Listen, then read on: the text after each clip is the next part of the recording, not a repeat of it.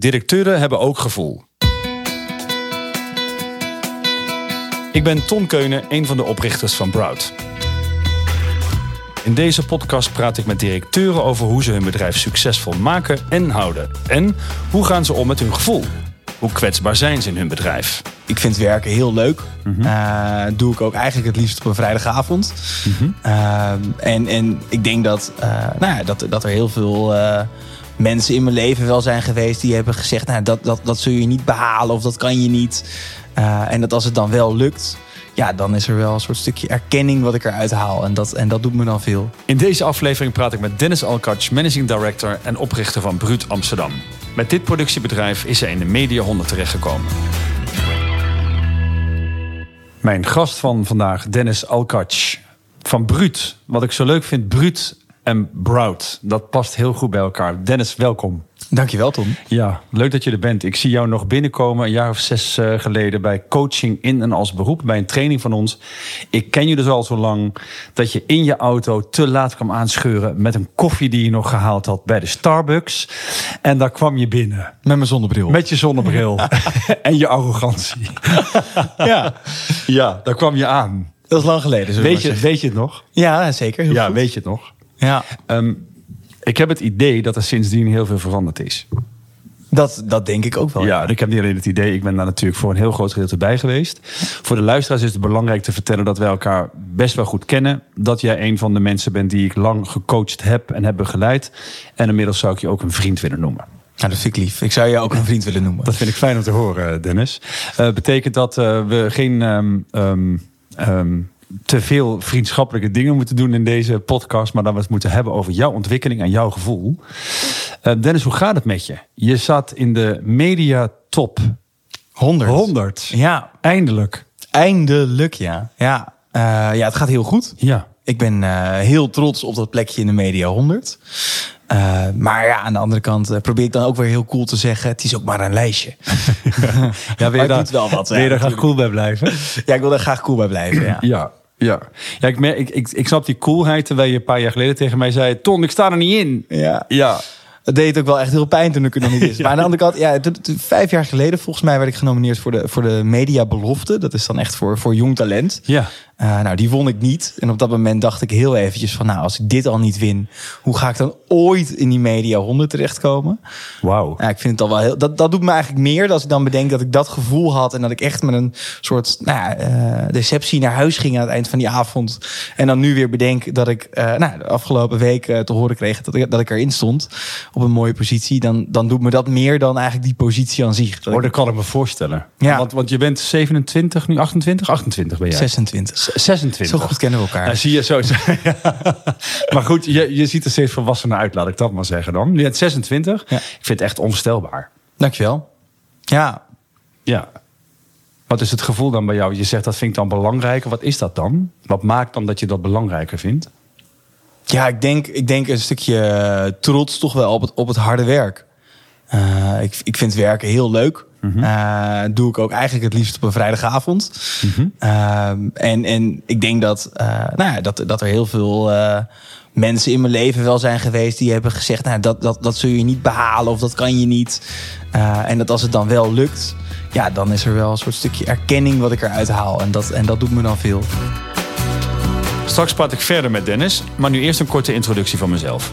Ik ben Ton Keunen en ik ben directeur van Broud. Wij ontwikkelen leiderschap binnen organisaties op elk niveau. Als trainer en coach begeleid ik de afgelopen 15 jaar organisaties, teams en dus ook directeuren in authentiek leiderschap. En ik ben inmiddels bekend met hun persoonlijke struggles. Voordat ik begon met coachen en trainen heb ik jarenlang als human resource directeur binnen verschillende organisaties gewerkt.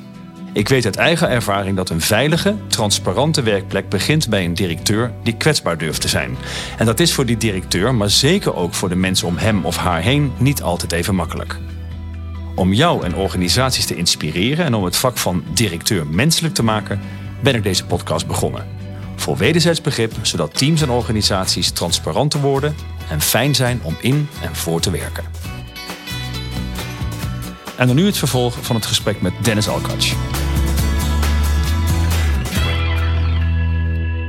Wie zijn die mensen? Wie hebben dat gezegd tegen jou? Nou, ik kan ze wel bij naam benoemen hoor. Dat Eh, doe eens. Nou, dat begon bij mijn, eh, bij mijn geschiedenisdocent in, in de brugklas. Oh ja? Ja, en eh, ik heb ook nog zelfs een, eh, een CKV was dat volgens mij. Dat is het, het creatieve vak wat je dan op school hebt. Ja?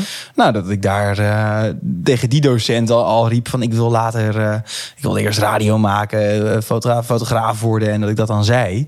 En dat hij dan zei, nou ja, dat is allemaal heel leuk en aardig, maar ik zou je eerst even lekker focussen op je VWO-diploma, want anders kom je nergens. Oké. En wat heb je toen besloten? Want jij dacht, dacht je dat dat dan over jou ging of wat dacht jij? Want op zich is dat best een goed advies, toch? Ja, ja, ik denk dat ik al heel mijn leven wel al het gevoel heb gehad dat als mensen zeggen je moet dit doen, dat ik dan expres het andere ging doen. Ah, oké, oké, oké. Want hoe, hoor je, hoe hoor je dat moeten dan? Uh, hoe hoor je dat moeten dan? Ja, dat, dat, dat, het, uh, dat, dat ik heel volgzaam moet zijn. Dat, dat iemand anders alle wijsheid in pacht heeft. Zo, zo klinkt het dan op mij. Dat ik denk, nou ja, jij bent ook maar docent. Oké, okay. maar dan hoor ik daar wel in dat je dus zeg maar iets hebt van... ik bepaal dan zelf wel hoe mijn weg gaat zijn of hoe ik het doe. Ja. Klopt dat? Ja, zeker. En dat eigen gerijden, hoe, waar heeft jij dat gebracht? Nou, ik denk op heel veel verschillende plekken. ja, dat denk Ja. ik ook. Ja. Dat denk ik ook. Nee, ja, ik denk dat het dat is natuurlijk dat is eigenlijk daar op, die, op diezelfde school begonnen. Uh, dat ik op een gegeven moment, uh, nou, ik heb dan ook wel mijn moeder meegehad uh, in, mijn- in mijn jeugd. Maar dat ik kon stoppen met school uiteindelijk op mijn zestiende, dat, dat, dat was denk ik wel het begin van, of dus dat is denk ik wel een resultaat van docenten die zeiden je moet je school afmaken. Toen dacht ik af, oké, nou Je dat- stopt op je 16. dan ga ik lekker stoppen. Dan ben ik wel benieuwd wat er gaat gebeuren als ik dat niet doe. En je had je moeder mee. Dat betekende dat zij steunde wat jij deed? Ja, ja zij, eh, zij was zelf ook ondernemer en eh, heeft altijd dat wel gezegd van als jij niet eh, jointjes aan het roken bent op het schoolplein, dan, eh, dan mag jij wel stoppen met school om, om je dromen te gaan verwezenlijken. Oké. En heeft jouw moeder een grote rol gespeeld in jouw leven? Enorm. Ja? zeker. Ja? Ja. ze doet nog steeds mijn boekhouding, dus eh, nee, ehm, nee, ja, mijn moeder, ja, eh, ik denk dat zonder mijn moeder had ik eh, waarschijnlijk nu net, misschien net een HBO-studie afgerond en had ik zeker niet het bedrijf dat ik nu leid. Oké. Welke rol speelt ze dan nog steeds? Ik denk dat zij nog steeds een enorme inspiratiebron ook wel voor mij is. Ja, ik denk dat mijn moeder een hele sterke vrouw is, waar ik wel enorm tegen opkijk in die zin. Eh, en dat ik, eh, ja, we hebben elkaar, we hebben, we hebben samen ons door heel wat dingen heen geslagen. Eh, en ik denk altijd wel, als ik dan kijk naar ook wat ik nu maak. ehm, nou, mijn moeder heeft vroeger ook in de communicatie gewerkt. Nou, dan zie ik gewoon heel veel, heel veel dingen waarvan ik altijd wel weer denk van, ah ja, ik, ik lijk wel ergens een beetje op mijn moeder. Ja? Ja, Waar lijk je het meest op dan? ja, ik denk een ongelofelijke doorzetter. Mhm. Ehm, ja. Iemand die, eh, ja, die ook tegen de stroom ingaat. Oké. Ja. Net als jij. En ja, ik denk dat ik dat ook wel ben, ja. Ja. Ja, En, jouw vader? ja die heeft een wat minder actieve rol eh, in mijn leven. Oké. Kun je er iets over zeggen? Mijn ouders die zijn eh, gescheiden op mijn zesde, zou ik denken. Mhm. Ehm, dus eigenlijk daarna al. Eh, dat was niet, een, dat was niet een, een normale scheiding. Het was niet, eh, nou, eh, door de week ben je bij papa en in het weekend bij mijn moeder. Dat was best een hele intense periode. Ja. En die heeft ook wel, wel lang geduurd. Echt van, van wanneer tot wanneer zou ik niet eens meer precies weten. Ik weet alleen dat het een, een flinke impact heeft gehad op, op mijn leven. En ook, Ja. ook wel het leven van mijn moeder. Ja. Welke impact is dat geweest? Ja, ehm, wein- weinig zekerheid, eh, veel verhuisd. Eh, ik heb denk ik wel eh, op drie verschillende scholen gezeten op, de, op de lagere school. Dus nou, ik denk dat iets wat, wat mij nog steeds wel heel jaloers maakt, zelfs nu, is als ik hoor dat mensen een reunie hebben met hun, met hun klas. Oh, echt? Ja, dan Ja. denk ik altijd wel weer van, oh shit, hoe, hoe zou dat zijn? Toch wel een bepaalde geborgenheid die je dan hebt. Klinkt voor mij alsof je zoiets hebt van dat je daar dan niet helemaal bij hoort of zo. Ja, ik heb dat in ieder geval niet gekend. Ja. Ja. Dus ik zou ook niet weten hoe het is. Ja. Ik hoor mensen ook altijd weer heel negatief over eh reunies. ja. ja, Ehm. daar kan ik je wel dingen over vertellen als je wil. Maar ik, daar, daarvan denk ik dan altijd wel van... ah ja, dat, dat, dat, zou ik wel, dat, dat, dat mis ik dan wel. Ehm, ja, dat is denk ik wel een, een terugkerend thema in mijn hele leven. Is dat eh, we, zijn, we zijn overal altijd maar kort geweest. Oké. Dus we zijn, ik denk dat ik in mijn leven wel, eh, alleen maar in, in mijn jeugd al een, een stuk of vijf keer verhuisd ben. Uh, dus het was overal waar ik kwam weer nieuwe vriendjes maken, zorgen dat ik uh, mensen kende. Ja. Uh, en dan gingen we vaak twee jaar later ook alweer. Ja, nou, ze, ze, zeggen wel eens, Dennis, dat dingen die je dan meemaakt in je leven, of dat nou je vader is die dan geen belangrijke rol heeft gespeeld, juist omdat hij misschien afwezig was, heeft hij dus ook wel een belangrijke rol gespeeld. Ja. Het is een beetje gek hoe ik het misschien zeg, maar hoe heeft hij dan een belangrijke rol gespeeld door zijn afwezigheid? Ja, ik denk dat. Uh, goede vraag. Zo goed dat ik er nog even een minuut over na ga denken. Nee, um, um, ik, ik, denk dat, dat de afwezigheid, afwezigheid van mijn vader wel heeft bijgedragen aan een bepaald bewijzingsdrang die ik ook nog wel heb. Oké, van, ik mag, ja. van ik mag er zijn, ook ben belangrijk, of wat is dat dan? Ja, of zelfs een bepaalde boosheid of zo, die, die ik zelfs wel eens heb gevoeld. Dat je toch het idee hebt van, nou, weet je, ik ga toch eens even laten zien dat ik het allemaal wel kan. Uh, was ook wel, was, was wel spannend in de, in de verschillende programma's die ik met Broud heb gedaan. Dat ik soms ook wel eens de, heb, heb gedacht, oprecht. Uh, van wat nou als die boosheid straks weggaat? Wat oh nou, ja, van heb ik dan nog wel een motivatie of zo? Ga, gaat, gaat Bruut dan nog wel groeien? Ah, oké. Okay. Ja. ja. Ja. Ja. Ja, en? Nou, ik ben inmiddels niet meer zo boos. Dus, en, en we groeien nog steeds. Dus ik, ik, ja. ik zou kunnen concluderen dat het. Even over die boosheid. Hè. Bruut, waar komt die naam Bruut vandaan? Ja, dat is niet een heel bijzonder verhaal. Oké, okay. dat was een, heel flauw verhaal. ja, dat is een heel flauw verhaal. ja, ja. Avondje stappen in Groningen was het. Oh, echt? Ja, ja, toen hoorde ik wat studenten ergens in een, uh, in een uh, aftans barretje zeggen... Hey, dat is fucking bruut, man. Oh, serieus? Dat, dat, is, dat is het hele verhaal achter de naam, ja. Oh, maar inmiddels is het mooi. We zijn die naam wel wat meer gaan leven inmiddels. Zo. Ja. ja. En even voor de mensen die het niet weten. Bruut, ik ken Bruut natuurlijk. Wat doet Bruut precies? Bruut maakt uh, films, content en films. we helpen merken en reclamebureaus eigenlijk met het vertellen van, van verhalen die raken. Ja. Uh, dus dat maken we passend voor iedere, ieder scherm met relevante makers. Dat prachtig. Ja. wat voor verschil wil je maken in de wereld? Ik wil uh, reclame iets waardevoller maken. Waardevoller voor? Voor het publiek. Oké, ja. oké. Dat als je er naar kijkt, dat je gewoon een leuke tijd hebt als je er naar zit te kijken. Ja, precies. Wat mooi. Ja. Wat mooi. Wanneer heb je dat bedacht? Ik denk dat ik dat... Uh, heb bedacht. Ik, ik heb best wel een soort van hele. Voor, voor mezelf is het wel logisch, maar voor mijn gevoel een hele gekke route afgelegd met wat ik allemaal wilde worden. Ja. Uh, en vroeger wilde ik altijd radio-DJ worden en de nieuwe Giel Belen. Um, en ik denk dat terwijl ik dat die, die carrière aan het najagen was... en op een gegeven moment een contract had bij 538... Uh, dat het me daar ergens is gaan dagen dat... Uh, dit was 2012... dat, dat YouTube een enorm, opkomend medium was... Waarin heel veel potentie besloten lag... en dat daarvoor merken gewoon heel veel te behalen is... En het viel mij op dat eigenlijk heel veel merken daar gewoon hun, hun commercial maar opgooiden. En dan verwachten dat, uh, dat mensen gingen abonneren en het gingen bekijken. Oh ja. Uh, maar ja, dat, zo werkt het natuurlijk niet. Mensen kijken niet voor hun lol naar een commercial. Nee, je dacht dat kan anders. Ja. ja. Dus wat ik eigenlijk hoor is dat jij vroeger dan... Want hoe oud was je toen je bij 538 uh, werkte? Toen was ik uh, 17. 17? Ja. Oké. Okay. Dus er zat al een soort van visie of visionair in jou. Dat, uh, ja, dat vind ik aardig dat jij het zegt. Dat, inmiddels, nou ja, dat, ja, Wat ik eigenlijk hoor is dat je eigenlijk dat idee over hoe dat dan moet zijn met, die, met alles wat jij maakt of wat jij produceert, dat dat de, nou ja, worth your time moet zijn. Dat het je tijd waard is. Ja. Maar volgens mij heb je dat lang geleden dus al bedacht. Ja, eigenlijk wel, ja. Ja. Ja. Hey, Dennis, even voor mijn beeld. Want je hebt het over uh, je, je, moeder, scheiding van je, van je ouders. Daar heeft een soort van ding in gezeten van laat mij maar eens even lekker zien wat ik kan. Hè, dat ik heus wel de moeite waard ben. Dat is een beetje wat ik eruit haal. Ja. Um, je bent bruut gaan maken. En hoe, hoe heb je dat gedaan? Want je bent uh, begonnen met één iemand, met jezelf. Hoe ben je begonnen?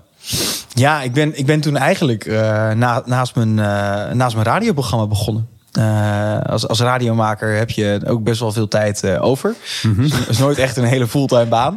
Ja, hard zeggen. ja. Um, en uh, in, in die tijd dacht ik op een gegeven moment... ja, weet je... Ik, ik denk dat trouwens dat als ik met de, met de techniek en de kennis van nu... als ik, als ik op dit moment bruut opnieuw zou mogen oprichten... Mm -hmm. dan zouden we misschien wel branded podcasts hebben gemaakt. Maar wat mij heel erg inspireerde in die tijd... was nou, dus het kracht van beeld. wat ik zeg, het platform... YouTube, wat dan toch een van de grootste zoekmachines ook ter, ter wereld is. Um, ja, wat mij heel erg inspireerde daarin waren dan toch wel de verhalen. Wat, wat mij inspireerde was het bijvoorbeeld dat je een, een stroming zag. Dus van de influencers die groot werden. Mhm. De Enzo Knols, uh, de, de, Thomas Smaggers. Nou, dat waren allemaal namen van vroeger die opeens enorme following vergaarden. Ja. En toen dacht ik, ja, als je dan echt goed ging kijken naar zo'n video van Enzo Knol. Daar gebeurde dan niet zoveel in. Die ging dan met zijn kat naar de dierenarts. En dat had dan uh, 200.000 views. En ik dacht, ja, wat, wat, wat is hier nou boeiend aan? Ja. Um, nou ja, ik denk dat als je dat gaat ontleden, wat is er boeiend aan? Dan komt het allemaal terug op authenticiteit. En het is heel leuk om een karakter te volgen en dat, om, om dat te volgen, zeker als het een verandering doormaakt. Um, maar wat ik zeg, uh, je hoort het misschien al ook, ook hoe ik het zeg. Ik, die Enzo Knol en Thomas Smagge, dat spreekt mij niet heel erg aan. Ik denk dat merken juist wel echt een heel inspirerend verhaal kunnen hebben. Uh, en ik zag een enorme kans om dat juist uh, te gaan vertellen. Maar ook mooi om te vertalen naar je eigen authenticiteit dan, toch? Ja. Want hoe is het met jouw authenticiteit? Nou, ik denk dat die in de afgelopen uh, jaren vorm heeft gekregen eigenlijk. Ik ben daar wel heel erg uh, zoekende in geweest. Mm -hmm. En, en, en nou ja, ik denk dat misschien zelfs dat zoekende ook wel juist een onderdeel uitmaakt van mijn authenticiteit. Uh, zeker, dat je iemand bent die dan naar zoekt. Ja. ja. Of dat ja. je dat niet. Ik, denk dat als je sommige mensen vraagt van beschrijf jezelf eens, dat ze dat misschien heel snel, ik weet het niet, heel snel op een papiertje kunnen opschrijven. Maar ik zou daar uh, wat zou, meer moeite bij, mee hebben, denk ik. In zou je het nu kunnen zeggen? Uh, Wie ben jij? Ja, Dennis, uh, ondernemend persoon, mens, uh, vriend van. zoiets. Vriend van wie? Vriend van Mike. Van Mike? Ja. Is dat je partner? Ja. Oké, okay. hoe lang al? Uh, drieënhalf jaar. Drieënhalf jaar. Moet ik wel even goed okay. zeggen. Pas op, hè? Ja. ja. Even, ik kom zo nog even terug, uh, Dennis, op hoe je dat nou gebouwd hebt. Want er zijn natuurlijk mensen die een start-up hebben of voor zichzelf zijn begonnen. Die willen natuurlijk heel graag van jou weten hoe je dat nou doet. Mm -hmm. En ik heb begrepen dat jij eerst uh, wat meer met mensen die je kende, dat er een soort vriendengroepje was. En dat je daarna dan met gekeken, god, werkt dit nou allemaal? Wil ik het zo met je over hebben. Ja. Maar voordat we dat doen, zou jij eens achter jou aan ons rad willen draaien. Oh, ja. Om te kijken welke vraag er voor je uitkomt die wij wat verder kunnen uitwerken met jou. Oké, okay, nou ga ik doen. Wat fijn. Het is geen Dennis draadje wat je nou doet. Zou je in God willen geloven, Dennis? Mag ik dan nog een keer draaien? Wat jij wil. Je, is dat een rotvraag? Uh, nee, ja, ik, ik, denk dat het antwoord gewoon heel simpel is. Nee, ik zou niet in een God willen geloven. Waarom niet? Nee, ja, ik, ik geloof ook niet in, in toeval. Ik geloof heel erg in maakbaarheid. En uh, ik denk dat alles waar je echt uh, naar streeft, dat Ja. dat te behalen valt. Maar dat er niet iets groters is wat dat voor ons bepaalt. Oké, alles is maakbaar. Ja, Ja, alles ook? Zo goed als alles. Ja? Ik denk dat als je wieg op de juiste plek staat, dat dat veel maakbaar is. Oh, Oké, oké, dat dat wel te maken heeft van waar je dan geboren bent, toch wel? Ja, Ja, zeker. Ja. Wat is voor jou dan maakbaar geweest waarvan je eerst dacht misschien is het niet maakbaar? Ja, nou ja, ik denk dat als ik even kijk naar mijn eigen, naar mijn eigen leven, dat heel veel maakbaar is geweest. Uh, van het feit dat uh, alle uh, ouders en mensen om mijn moeder heen bijvoorbeeld alleen al mijn moeder gek verklaarden toen ik stopte met school. maar ik daar altijd wel heel erg bewust mee om ben gegaan.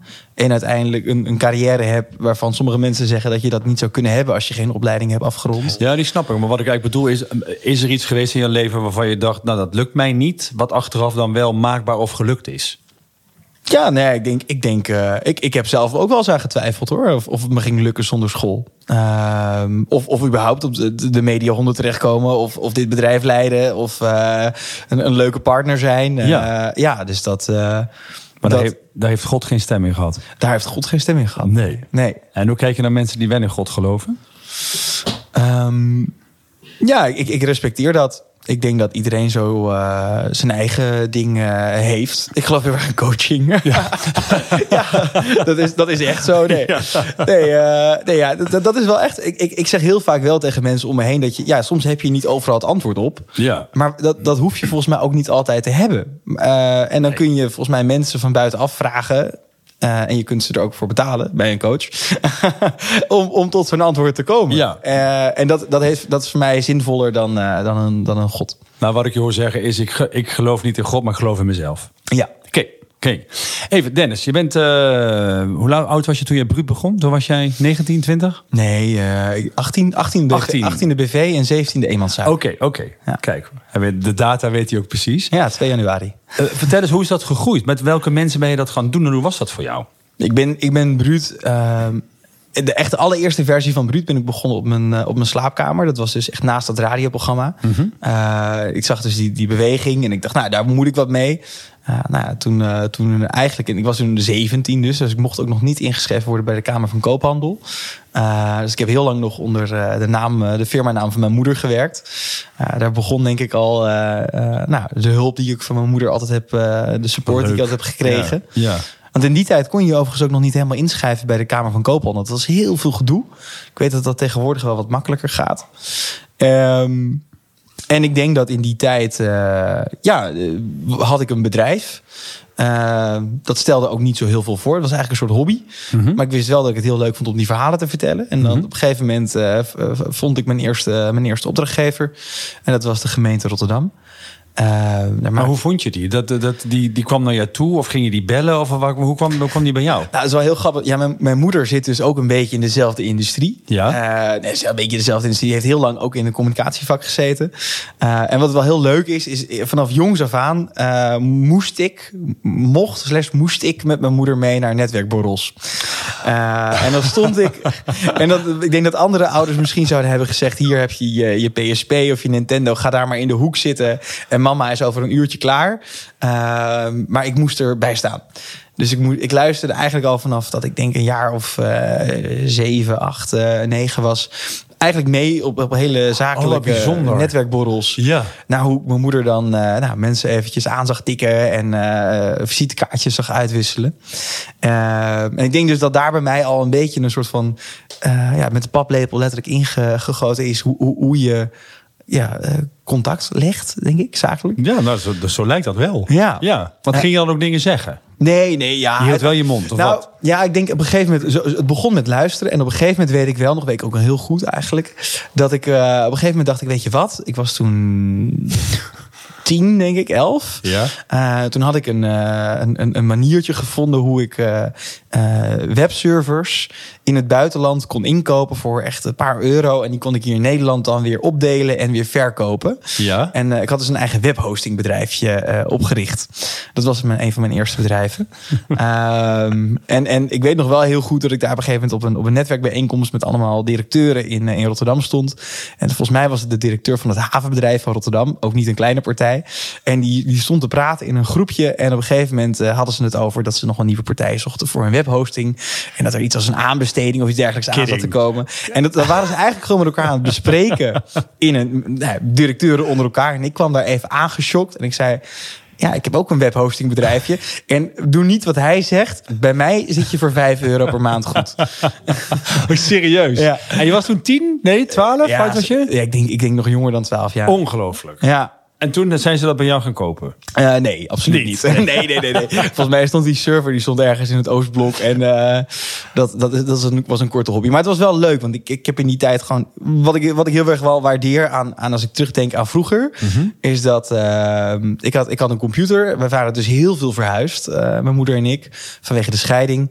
En, Waarom moest je zo vaak verhuizen, even voor mijn beeld? Waarom moest dat zo vaak? Ja, uh, nou, ik denk dat een paar keer was echt omdat het gewoon uh, niet, niet gezellig was met in de situatie tot mijn vader. Ja. Uh, maar ook ja, een paar keer waarom moesten we verhuizen. Voor werk van je moeder? Of moest je, wat, want, of was het huis te, weet jij te groot? Klein, huis, huis te, te groot, ja. Okay. ook gewoon dat soort onnozel dingen. We, houden gewoon heel erg van verhuizen, Ton. Oh ja. ja. maar dan ja, vond gewoon leuk, leuk, lekker verhuizen. Ja, lekker ja. verhuizen. Ja. Tegenwoordig geen hobby meer. Maar, en in al die verhuizingen werd ik eigenlijk, ja, heb ik nooit echt heel veel vrienden dus gemaakt in de buurt. Mm -hmm. maar, maar kon ik wel heel erg goed overweg met mijn computer. En uh, ik vond het heel erg leuk. Niet per se om te gamen, maar dus om, ja, om al een beetje te ondernemen. Dus ik had, ik had een weblog. Uh, en wat ik zeg, ik begon toen met dat webhostingbedrijfje. Uh, dus ik denk dat daar ergens in dat ondernemerschap ook al aangewakkerd is. Dat zit er dus heel vroeg in bij jou. Dus dat heb je ook doorgezet. Ja. En dan ga je dus bruut beginnen. En dan op een gegeven moment zit je met... Hoeveel mensen zit je nu? Nu met twaalf. Oké, okay, nou, we zitten met 12 man. Zit je gewoon met een behoorlijke omzet volgens mij ook. Sta je op die media top 100. En in welke top 10 sta je? Uh, de reclamebureau 50. Kijk, dat bedoel ik. Daar sta je dan ook. Ja. Um, Den, als ik zo naar je kijk, dan klinkt dat een beetje zo'n groot succesverhaal. Wel uh, ellende meegemaakt vroeger, maar daar helemaal overheen gegroeid. Uh, positief. Um, Waar loop je nou in jouw werk tegenaan waarvan je zegt... ja, dat ben ik dan eigenlijk, dat lukt me nou eigenlijk veel minder. Dus dat het niet één groot succesverhaal wordt. Wat lukt je nou moeilijk? Wat lukt me moeilijk? Ja, ja. Ik, ik, ik neig dan naar ook de, de positie van een directeur innemen. Dat, dat vind ik wel lastig. Je bedoelt in de verticaliteit, hoe je ten opzichte van je mensen staat? Ja. Oké. Ja. Nou ja, omdat, omdat, omdat ik dus vanuit, vanuit dat uh, slaapkamertje waarin ik alles zelf deed, dat was de bruggetje ik aan het maken was. Ik ben, ik ben bruut ooit begonnen met zelf editen, zelf filmen, zelf regisseren, zelf het concept bedenken. Ja. En kwam er eigenlijk gaandeweg achter dat, dat er mensen waren die beter konden regisseren dan ik, omdat ze er een opleiding voor hadden gedaan. En dat er mensen waren die beter konden filmen uh, dan ik. Ja. Um, en ik ben dat eigenlijk langzaam maar zeker allemaal uit handen gaan geven. Uh, en toen kwam ik er eigenlijk achter dat, dat er niemand zo goed als ik kan ondernemen. Um, dus dat, dat dat veel beter mijn positie is in, in het hele uh, systeem. Ja. Uh, en dat vind ik ook heel leuk. Um, maar wat het moeilijker maakt, is dat je dan natuurlijk een organisatie aan het bouwen bent. En je niet meer een, een filmmaker bent. Uh, dus je moet opeens ja, ook gaan managen. En je moet mensen gaan aansturen. En verwachtingen gaan, gaan stellen. Ja. En hoe is dat? Ja, vind ik heel moeilijk. Ja, wat vind je er moeilijk aan? Ja, ik denk dat het. Ehm, wat vind ik daar moeilijk aan? Ja. Nou ja, ik denk dat ik denk dat ik dat ik dat wat ik er onder andere moeilijk aan vind, is, is uh, soms ook dingen afwijzen. Ik vind nee zeggen heb ik altijd wel heel moeilijk gevonden. Mm -hmm. um, wat vind je moeilijk aan nee zeggen? Nou ja, omdat ik daar toch altijd wel weer een beetje die, die docenten van vroeger ook hoor praten. Als ik dan zeg van. Uh, als, dus als ik iemand moet afwijzen of als ik een, een, een plan van iemand afwijs, dan, dan heb ik het gevoel dat ik iemand zijn. Uh, zijn blik op de toekomst uh, ah, afpak. afpak. Ah, ja, oké. Okay. Alsof dat dan dezelfde consequenties hebben als het voor jou had op school. Bijvoorbeeld. Ja, oké. Okay. Ja. Oké. Okay. En wat nog meer? Um, nou ja, ik denk ook wel dat, het, dat, dat ik er graag voor mensen wil zijn. En dat als ik, als ik dan nee zeg, dat het heel lastig is. Uh, um, ja, dat, dat ik het gevoel heb dat ik mensen teleurstel. Oh ja, die herken ik wel. Wat ik, wat, als ik kijk naar, naar Broud bijvoorbeeld, wat ik lastig vind in mijn leiderschap of mijn directeur zijn. Ik heb natuurlijk ook een ding met erbij horen. Mm -hmm. Dus ik, uh, ik, ik heb vanaf vroeger dat ik een jaar of zes wat dacht, ik hoor er niet bij. Dus ik heb bijvoorbeeld op het moment dat mensen gaan lunchen binnen de organisatie en die vragen mij niet mee, is mijn eerste ding in mijn hoofd, zie je wel, ik hoor er niet bij. Oh, wow. En sterker nog, in die hele verticaliteit hoor je er eigenlijk wel bij en je hoort er niet bij. Daar heb ik best wel veel moeite mee. Het gaat Ja. steeds beter. Hoe is dat voor jou? Geldt dat voor jou ook zo? Nou ja, ik denk dat uh, ja, dat, dat, dat is zeker zo. Uh, ik denk zeker in de afgelopen jaren heb ik daar enorm mee. Uh, en ik er nu nog steeds mee. Ik bedoel, ik wil niet zeggen dat ik het nu opgelost heb. Uh, maar in de afgelopen jaren zijn we, ja, zijn we gewoon heel hard gegroeid. Wat ik zeg, van, van, van op mijn slaapkamertje alles zelf maken. Naar nu een organisatie met, met twee verschillende afdelingen. Ja. En, en daarin, ja, die route die je daarin aflegt, is natuurlijk heel lastig. Want ik weet nog heel goed dat een van mijn eerste medewerkers bij me kwam werken, Leon. Ja. Ja, wij zaten gewoon samen in een kamertje wat uh, zo groot is als onze meetingruimte nu. En dat, en dat was dan een kantoordag. En op een gegeven moment uh, begon je dan te wachten totdat de telefoon overging. Omdat er een klus, Oh ja. dat er een klus binnenkwam. Ja, Um, en en, en uh, ja, weet je, soms was het ook gewoon heel lang wachten. En er was er niks te doen. En dan zei je, nou, laten we lekker op het terras gaan zitten. dan ging je dat ook doen. Ja, ja, dat, dan ging je eh, samen drinken. Ja, Ja. ja. en, en ik denk dat dat, dat, dat ja, weet je, als je, als je zo begint. Ehm, en op een gegeven moment komt er dan weer iemand bij. Dan, dan, dan creëer je wel op een gegeven moment iets wat heel erg lijkt op een vriendenteam. Ehm, en dat, dat is wel iets waarvan ik nu eigenlijk kan, steeds meer kan zien dat dat vriendenteam me niet gelukkiger heeft gemaakt eigenlijk. Vertel eens, waarom maakte je dat dan niet gelukkig? Ja, nou voor mij was het afgelopen jaar daar wel heel erg tekenend in. We hadden echt een van de meest bizarre jaren ooit. Mhm. Eh, we zijn eigenlijk uh, nou, in ieder opzicht verdubbeld. Um, we hadden de Rijksoverheid als een van onze grootste opdrachtgevers. corona volgens mij. Hè? we hebben alle corona-commercials mogen maken. Ja. Nou, echt een droomklus. Of een droomklant. Um, nou ja, dus aan het eind van het jaar... Nou, ik merkte eigenlijk gaandeweg het jaar eigenlijk al... dat ik steeds meer in PNL's aan het verzakken was. Uh, niet meer met de creativiteit bezig. En aan het eind van het jaar, ja, heel mooi resultaat gemaakt. Keek ik terug op het afgelopen jaar en dan dacht ik... ja, waar, waarom ben ik nou niet blij? Um, en het was dan toch voor mijn gevoel... omdat, ik heel erg, omdat, omdat we voor, voor mijn gevoel... Uh, zevens aan het halen waren.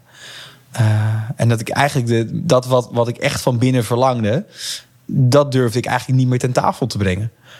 Omdat je zo vergroeid was met die mensen, of dat het een vriendenkring, dat je bijna niet meer eerlijk daarover durfde te zijn. Bedoel je ja, dat? Ja.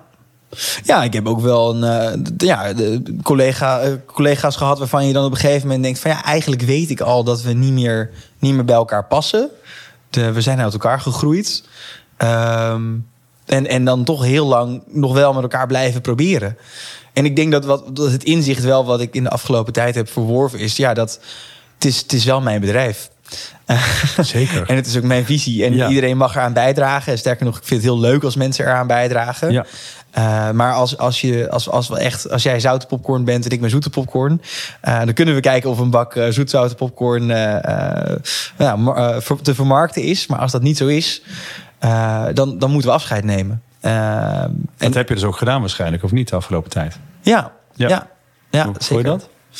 Ja, um, ik, ik had misschien verwacht dat het me, dat het me meer zou doen. Mhm. Dat ik er misschien ook wel echt over in zou zitten. Mm Leon, een van mijn allereerste werknemers, is na zes jaar uh, oh, die is, uh, ook gestopt binnen Blut.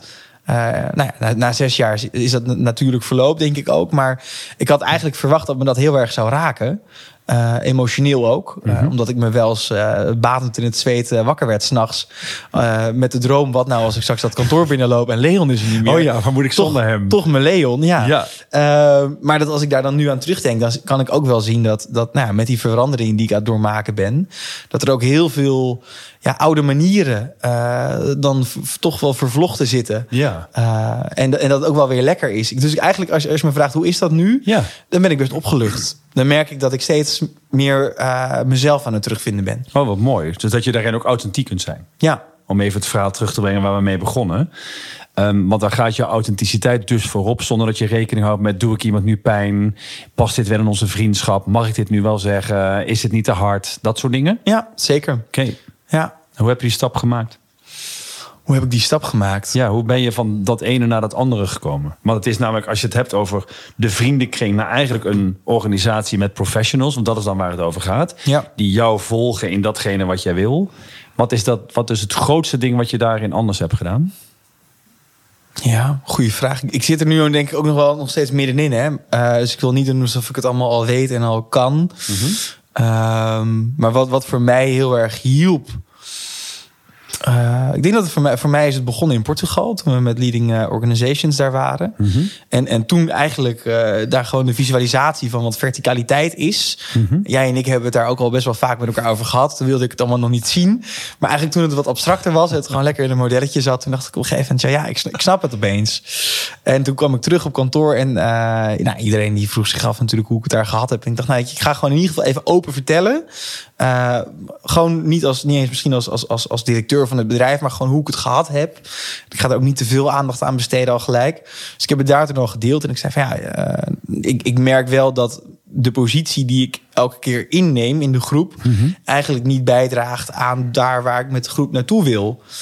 En uh, het leuke was dat ik denk dat, dat de helft van het team, of meer dan de helft van het team, die, zei, die reageerde met: Oh, maar voor ons werkt het wel hoor. Ja. en ik, ik, denk dus ook daar, ja, ik denk dat hoe, hoe ben je daarmee omgaan, is, is eigenlijk daarin herpakken dat het om mij gaat in dat geval. Uh, dus dat het voor mij niet werkt. Wat grappig dat ze ook precies zo reageerden. Hè? Ja. Dus dat het niet over jou ging, maar over hun. Van joh, als jij daarmee gaat stoppen, dan is dat wel lastig voor ons. Ja. Ja, ja mooi is dat. Ja, dus ik, ik, vond, dat, ik vond dat heel erg gra grappig. Dat, ja. dat, was denk ik de eerste keer. Um, en, en toen, toen moest ik voor mezelf ook wel de zelfverzekerdheid vinden om gewoon te zeggen: ja, maar voor mij werkt dat wel. Ik, ik, ik merk dat dat, dat dat is wat ik nu nodig heb. En ik denk dat dat, dat de laatste, uh, het laatste zetje, uh, nou, een paar weken geleden is geweest. Uh, toen ik op een gegeven moment wel dacht: van ja, terugkijkend op dat afgelopen jaar, ben ik gewoon niet helemaal gelukkig. Um, en, en, en, ja, denk ik ook, dat was denk ik ook met, met leading organizations, maar dan in Limburg. Het, het inzicht dat ik mezelf eigenlijk heel klein aan het maken ben, heel vaak. Uh, Zo van, ik ben maar de jongen van 26. Ja, en inderdaad, vooral mijn leeftijd. Ja. Uh, daar een hele grote rol in speelt. Ja. Want ik denk dat, dat enerzijds die leeftijd me altijd heel ver heeft gebracht. Dus ik weet heel goed dat als ik op een Media 100 uh, rondloop, dat heel veel mensen naar me kijken en denken: hé, hey, wat een jongen, hij is niet grijs. Ja, ja. die staat er wel in. Ja, en, ja. En, en, en dat ik dan ook best daar, nou, dat het me lukt om daar afspraken mee te maken. maar aan de andere kant mezelf misschien ook wel ergens heb wijsgemaakt dat, dat met die leeftijd. Ja, dat ik het ook allemaal niet te serieus hoef te nemen. Um, Mooi, Dennis. Ja. Want dat is wel precies waar het over gaat, hè? Ja. Hey, waar wil je nou naartoe groeien? ik denk dat uh, uiteindelijk nu de ambitie is om uh, ja, de meest uh, memorabele, me memorabele commercials van Nederland te gaan maken. En dan, dan is Nederland niet groot genoeg uiteindelijk. Nou, mooi. Ja. Mooi, Dennis. Ik, ehm, ik heb je leren kennen vanaf nou ja, dat je zeg maar 19 was volgens mij. Tot nu. Ik ben ongelooflijk trots op jou, wat je aan het doen bent en hoe jij jezelf aan het transformeren bent. Dat is misschien helemaal niet mijn plek, maar ik zie wel een prachtige persoon tegenover me zitten. Die dat gewoon allemaal aan het waarmaken is. Dat, uh, dat emotioneert me. Dankjewel. Dankjewel dat je er was. Dankjewel, Tom. Zit je nou ook te luisteren en denk je, ik ben of ik ken iemand die ook thuis hoort in deze podcast? Laat het me weten via podcast.broud.nl. Ik ben benieuwd naar jouw verhaal. Tot de volgende. Directeuren hebben ook gevoel.